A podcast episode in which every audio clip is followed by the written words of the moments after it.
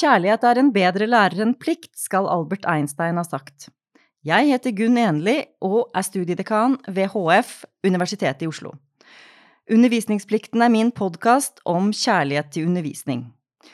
Og i dag har jeg fått besøk på mitt kontor av en kvinne som har en dialekt som røper en bakgrunn fra Sørlandet.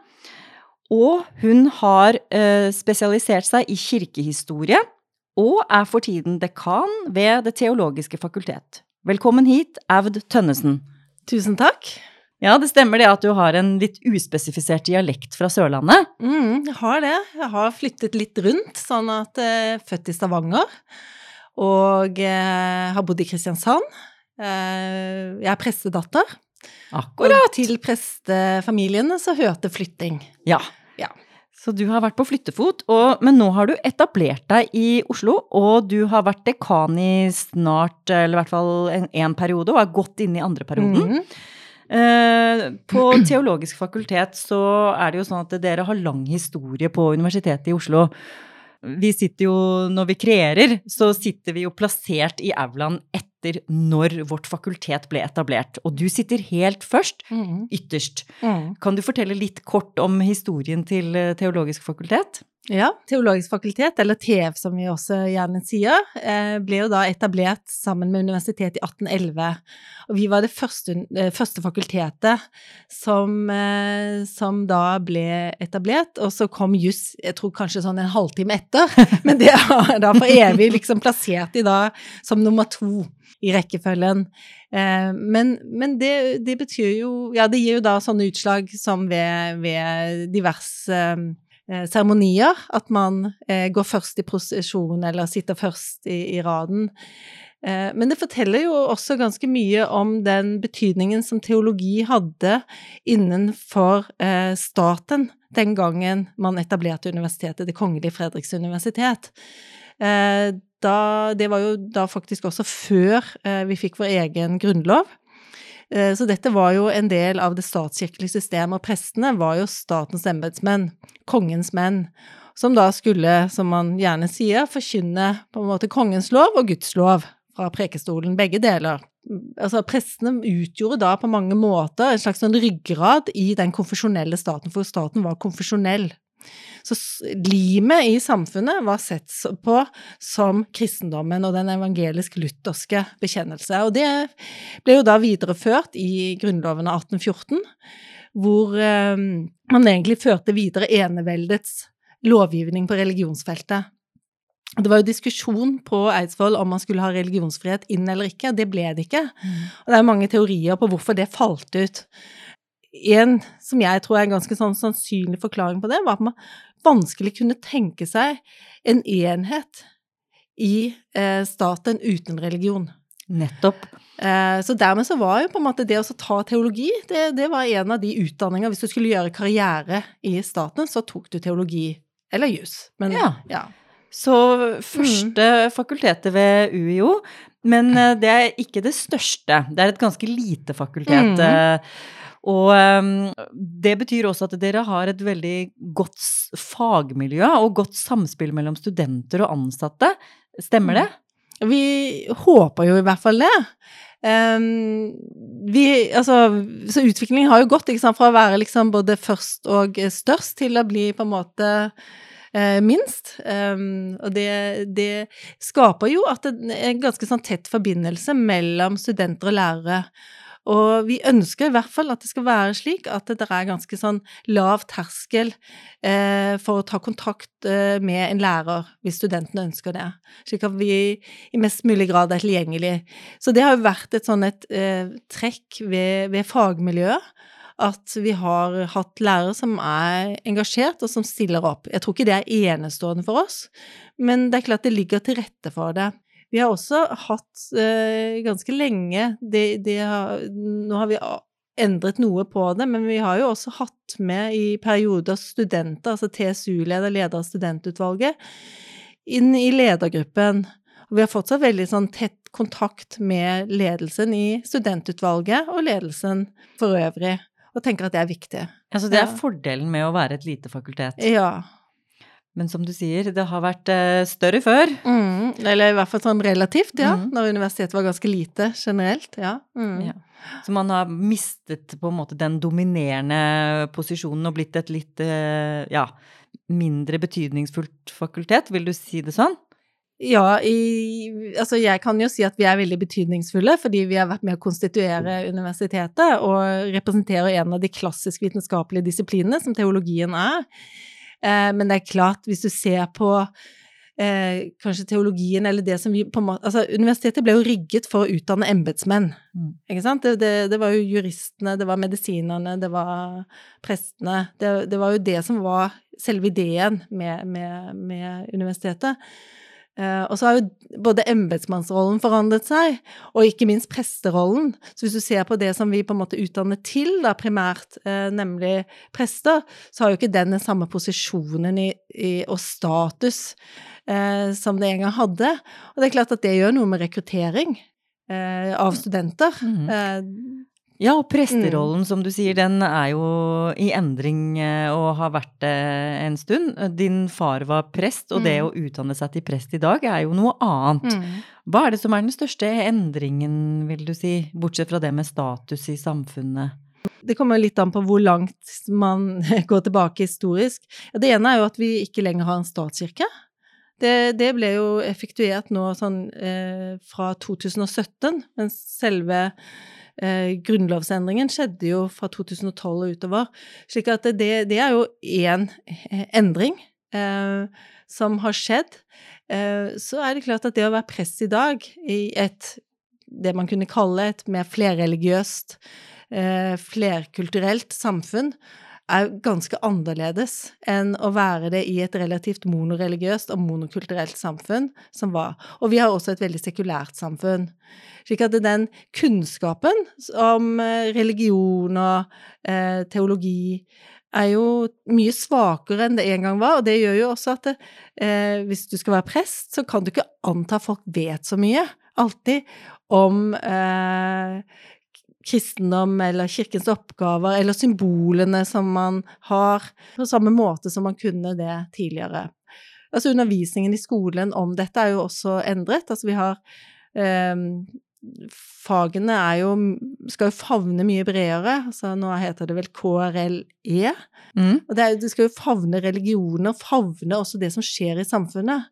Så, så, det, så det, det er annerledes. Ja, Mm. og det Deres utdanninger på TF må jo Mm. speile disse endringene. Mm. Så hvordan tilpasser dere undervisningen og, og studietilbudet? Vi har jo flere studietilbud, det må jeg bare si. Vi har, driver jo ikke bare med teologi, eh, men teologi er jo hovedsporet vårt. Eh, og hvis jeg tar det, da, som er på en måte den klassisk teologiske utdanningen, eh, så, så, så ser vi jo at vi trenger å kvalifisere studentene for å kunne forstå det samfunnet som de befinner seg i. Eh, De skal kunne historien, de skal kunne det filosofiske, de skal kunne fortolke tekster. Eh, Men de må også ha f.eks. en, en, en, en være bedre i stand til å forstå både seg selv i forhold til sine omgivelser, og forstå kirken i en bredere kontekst. Og det er vi opptatt av. Så det er på en måte kanskje også litt det der, du må ha et utenfrablikk på det. Ja, Ja. fordi mange bruker jo kirken mest til eh, bryllup, eh, barnedåp, begravelser, og, og kanskje ikke det, engang, men det er i hvert fall Eller ja, julaften, Mm. julegudstjenester. Sånn at det, det er ikke så mange kirkegjengere av den gamle sorten lenger. Så kanskje presteskapet må også være mer forberedt på det, disse som bruker kirken til eh, kun seremonier og, og livsfaser. Mm. Og det, det tror jeg er eh, mange er. Men det er klart det er også en sånn diskusjon gående internt i kirken. ikke sant? Hvor skal vekten ligge? Skal den ligge på eh, seremoniene? Eh, og mange vil si at det er noe av det viktigste som en prest gjør.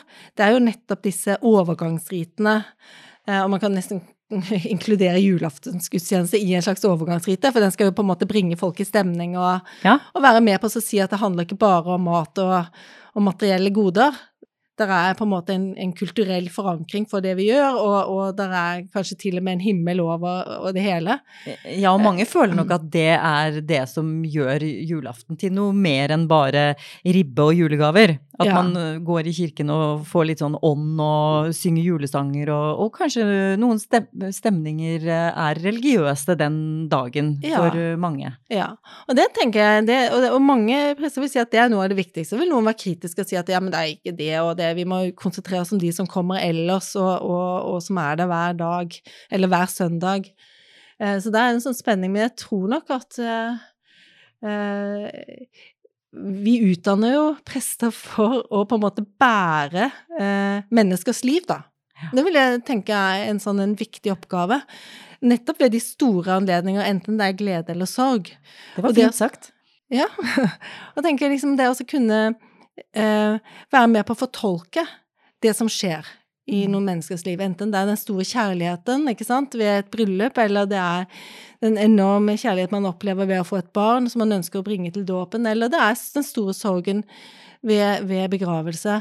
Og, og, det tror jeg vi som samfunn trenger. Og, det å kunne, og der tror jeg at fortsatt at mange prester gjør en Altså, de fleste prester gjør en fantastisk jobb, fordi at eh, de har en fortolkningskompetanse når det gjelder å, å, kunne sette livet inn i en sammenheng hvor det ikke bare er den enkelte, men det er den enkelte i forhold til familien, i fellesskapet, og det, det som både er helt, og det som er brutt.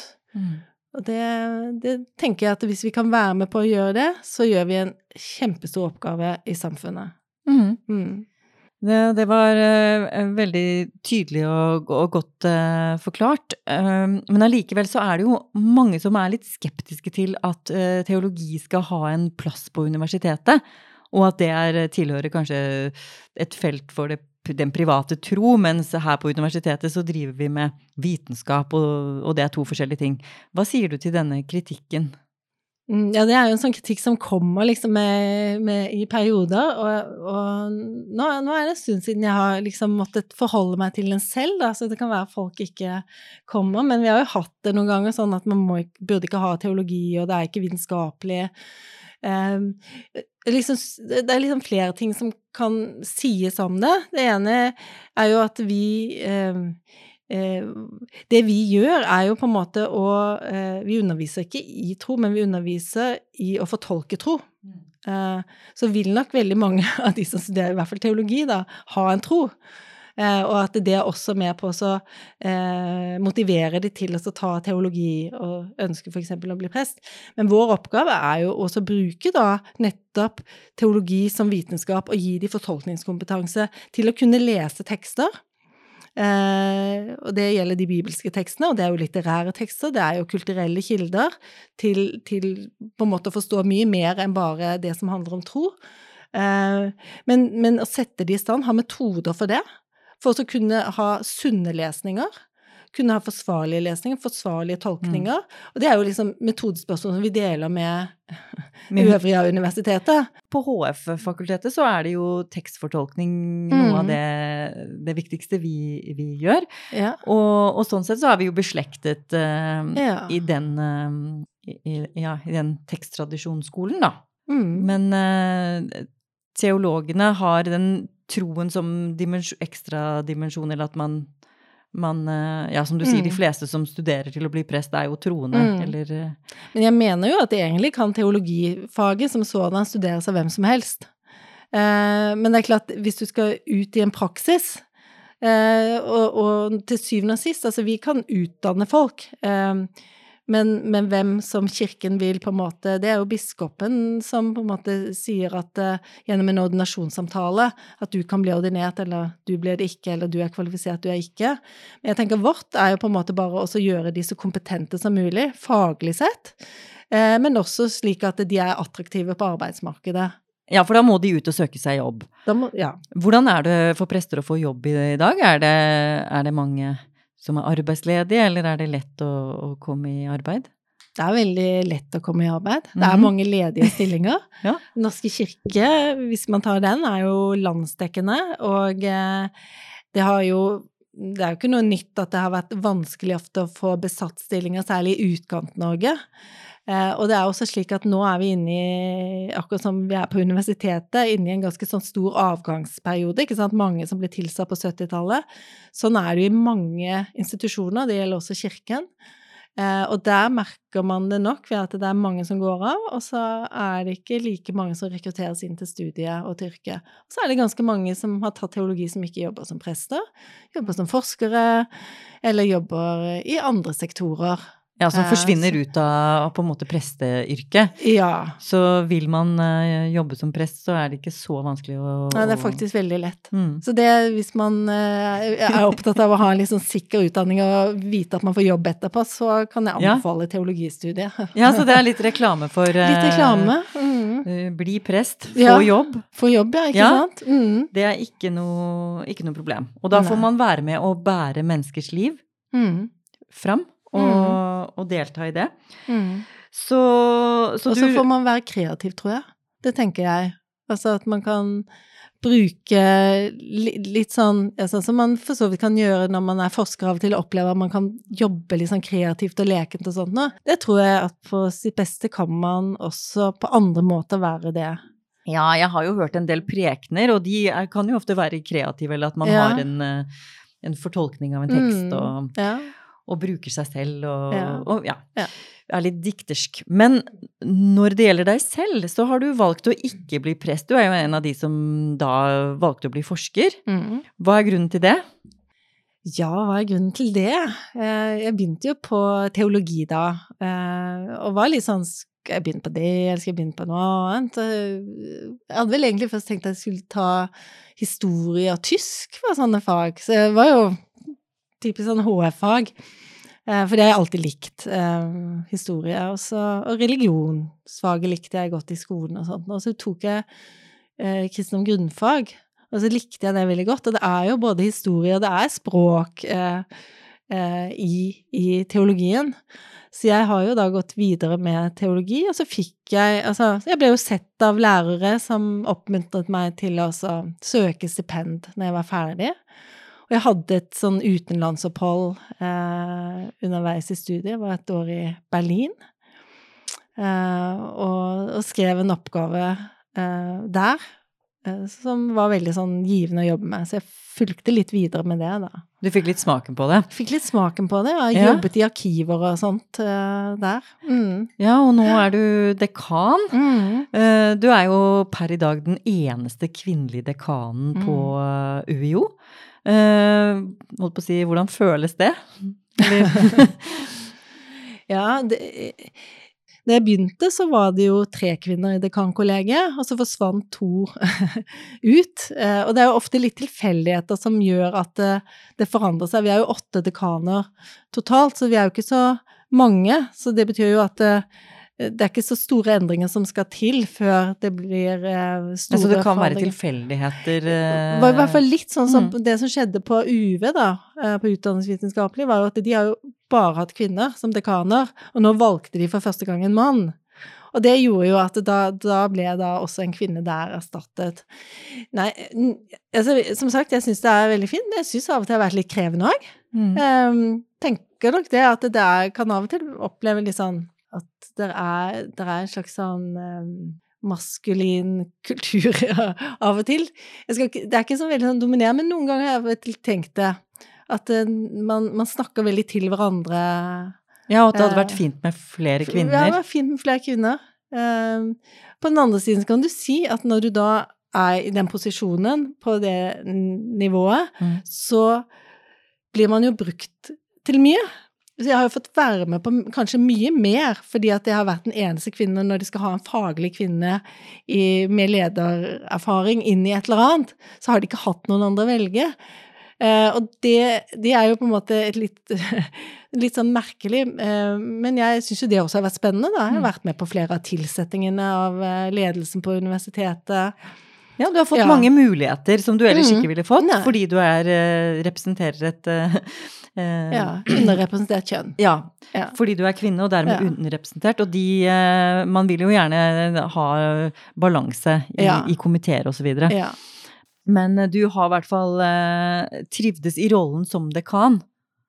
Det har jeg, eh, og, og, der tenker jeg at det å være dekan Jeg har vært studiedekan, jeg òg, mm. vet du, så, ja.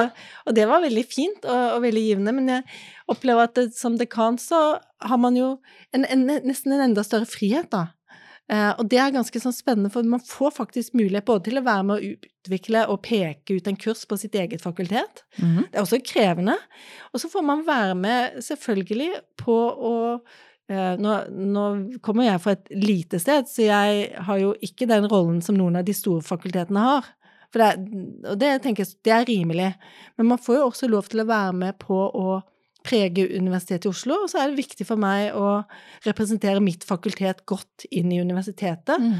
og, og, vise Og bare for bare en ting du sa i stad om det der med å være teologi. Altså, vi gjør det faktisk veldig bra på forskning. Mm. Sånn at vi svarer jo godt på alle de kriterier som universitetet måles på. Ja. Og det er viktig. Og da er det jo viktig å tenke over hva er det som driver deg inn i dette? Fordi leder jobbene på universitetet, de har jo mange sider, som du sier. Man får være med å forme sitt eget fakultet og universitetet, og man treffer mange mennesker, man får muligheter. Men det er også mange ulemper. Man får mindre tid til forskning, og man kanskje må ta upopulære beslutninger, eller lese masse sakspapirer på kvelden, osv. Så, så mange vil jo da eh, kvie seg for å ta lederstillinger. Og kanskje, kanskje, særlig kvinner eh, kvier seg for å være i en sånn synlig posisjon. Eh, men hva er det som gjør at du liker det så godt, og hva er det som driver deg? Ja, jeg tror, jeg, jeg tror kanskje jeg er sånn som sikkert ganske mange kvinner er når man blir oppfordret til å søke et eller annet, eller noe sånt nå, så tenker man sånn ok, kanskje Jeg har i hvert fall tenkt at da kan jeg kanskje klare det. Eh, og jeg hadde jo en sånn tenkerunde før jeg da sa ja til å bli dekan, for jeg tenkte det er Du må jo være en pådriver på en helt annen måte enn jeg følte jeg måtte som studiedekan. Eh, og ta mye mer ansvar. Så jeg har funnet ut at det, det, det er også en rolle jeg kan trives med. Jeg tror faktisk eh, Jeg tror ikke kvinner mindre enn menn eh, egner seg. Jeg tror ikke det er noe sånn i, i kjønn, så jeg tenker at det, det å ta de utfordringene Det er jo utrolig mye flinke, dyktige folk, men vi er jo vi er i utgangspunktet søker til universitetet for å drive med fag. Så derfor så ligger det nok litt sånn langt bak for noen. Og da tror jeg man må jobbe litt med å motivere, og det tenker jeg skal man gjøre. Eh, de store endringene i, på universitetet på toppnivå, hvor vi vet at ikke sant, det går litt fremover eh, med flere kvinnelige professorer osv. Men jeg tror man må jobbe fortsatt veldig systematisk og strukturert for å skape endring. Og man må skape også en sånn kultur for endring, og man må tørre å peke på folk og bearbeide, oppmuntre. Eh, det, det tror jeg er et sånn et lederansvar som man må ta. Eh, og så må man jobbe sammen med andre som vil det. Mm. Uh, for det nytter på en måte ikke bare Og det syns jeg også kan være fint å være med på. Mm. Mm. Og det at du har gått veien fra å være studiedekan, gjør jo også at du har hatt litt sånn gradvis opptrapping mm. eh, i dette systemet. Det kan jo være en fordel. Men eh, din, ditt engasjement i studier og undervisning, eh, kan du fortelle litt om, om, det? Hva slags foreleser er du selv? Eh, hva, har du noen liksom, spesielle metoder, eller mm. hvordan, hvordan liker du å, å undervise? Mm. Jeg, jeg, jeg, er ikke så sikker på om jeg er liksom den beste underviseren, for å være helt ærlig. Jeg liker aller best å ha seminarer. Um, uh, hvis jeg kan være litt sånn ledig, Uh, og på en måte forutsette kanskje til og med at noen har forberedt seg litt. Det er jo ikke noe man kan ta for gitt. Eh, det syns jeg er best. Vi kan få en samtale og ha en dialog og, og, og være i på en måte en slags sånn uh, Ja, at man, kan, at man kan på en måte lete litt etter svar sammen også. Mm. Um, og lese tekster sammen. Um, som, mens de store forelesningene, der er ikke jeg veldig ledig, har jeg merket. Jeg trenger å være veldig godt forberedt. Um, jeg trenger å på en måte vite hva uh, jeg skal gjøre, og, og hvordan gangen er, og, og time det. Og det, det har sine fordeler og ulemper. Det betyr at jeg er, ja, jeg er godt forberedt når jeg går til en forelesning eller til et seminar. Men det kan jo også være noe som av og til kan være nesten litt hemmende.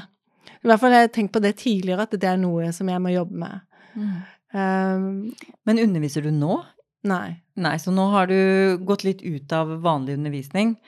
Ja. Og, men du holder kanskje foredrag eller ja, og så har jeg noe veiledning. veiledning, ja. Og det er jo en veldig sånn Mm. én-til-én Ja. undervisningsform Mm. som uh, kanskje du er mer komfortabel med enn de store forelesningene, Mm. da. Men jeg liker, altså ja, det, det er jeg, men jeg liker å holde sånn taler, og jeg liker å holde foredrag, og Mm, mm. liker å møte folk.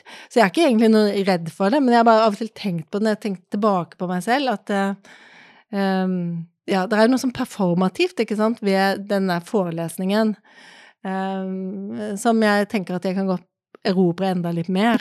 Ja. Eh, Jeg skal jo tilbake til Men- forelesninger og Men er ikke det veldig fint å ha noe å strekke seg etter, og Mm. noe man tenker at når jeg skal tilbake til eh, undervisning, så er det Mm. dette jeg har lyst til å jobbe med, og, og bli bedre på det. Mm. Men når det gjelder sånn eh, studieportefølje og undervisningsmetoder, eh, har du noen sånn overordnede tanker om hvilken retning vi bør gå, eller eh, hvilken, hvilke tendenser er det som dominerer nå?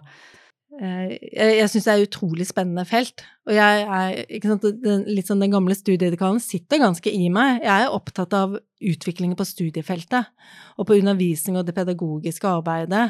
Og jeg har vært med litt på noen av disse komiteene som også har jobbet med meritteringssystem nå, og inn mot strategien på utdanning. Og jeg tenker, det, jeg tenker at universitetet og vi har en mulighet til å gjøre noe, og da må man også begynne å tenke studentene som en ressurs mye mer, ikke sant? Være fokusert på det de også bringer med seg, eh, av erfaringer, av kunnskap, og greie å integrere det enda bedre eh, i undervisningen. Det tror jeg for eksempel er én ting. Vi snakker også mye om dette med studentsentrert læring, eh, som er noe helt annet enn enn en kanskje den jeg beskriver litt sånn som jeg husker fra at du kommer inn, holder forelesningen, og bare du kommer deg gjennom alt som du har planlagt, så da, da vet du at de liksom har fått det med seg. Ja, at poenget er å, å holde en god forelesning, men ikke nødvendigvis at studentene lærer å være Nei. aktive. Selv om liksom pedagogen har fortalt oss at det er en veldig, veldig dårlig læringsmetode, så har jo veldig mange det i seg, at jeg må liksom Kan ikke ta flere spørsmål nå. Eh, Så, så jeg tenker at den, em, det arbeidet som gjøres nå med den pedagogiske utviklingen, og, og, så, og jeg tenker vi har flinke folk på link, og vi bruker dette mm. inn, syns jeg er ganske sånn spennende å være Ja. med på. Ja. Ja, det er veldig spennende tider på, på undervisningen. Jeg skal helt til slutt uh, spørre deg om begrepet undervisningsplikt. Uh, hva tenker du om det ordet? Mm. Sånn eh, til motsetning av forskningsplikt, eller forskningsglede, eller Forskningsfri? Forskningsfri, ja. Ja, eh, ikke sant? At man ofte setter på en måte forskning og undervisning litt opp mot hverandre. Så er det plikten med å undervise, og så er det friheten og gleden knyttet til det å forske. Ja. Man kunne jo også snu på det, mm. og så si at eh, å kalle det undervisningsplikt sier noe at det er noe av det viktigste vi gjør. Mm. Så det har vi virkelig en plikt til å gjennomføre, og en plikt til å jobbe med. Eh, slik at det er noe som det er positivt ladet, da, kunne man jo også si. Det Ja. Og innenfor teologien så er vel pliktbegrepet ikke utelukkende negativt? Nei, det er ikke det. Det er jo det som skal peke ut en retning, som er en riktig retning, da. Altså det, hvis du tar innenfor etikken, da, så er jo pliktetikken det er jo på en måte den ikke sant, Du gjør det på eh, med utgangspunkt i en, en beskjed, det kan være ikke sant, en, en lov, en norm, et bud, eller så og, og det er jo tenkt positivt. At det skal bidra til å skape noe godt. Og sånn kan man jo tenke at undervisningsplikten til å undervise er plikten til å så um, bidra til god læring, da. Ja, Ja. det syns jeg var Så- veldig fint sagt. Mm. Så da lar jeg det bli siste ord. Tusen takk for at du kunne komme hit i dag. Og til dere som hører på, vi har i dag hatt besøk av Aud Tønnesen, dekan ved TF-fakultetet, Universitetet i Oslo. Og jeg heter Gunn Enli. Vi har hatt produsent Mari Lilleslåtten. Og jeg håper at dere vil følge oss på iTunes, Spotify og si fra til alle vennene at dette er en bra podkast. Vi høres. Ha det godt.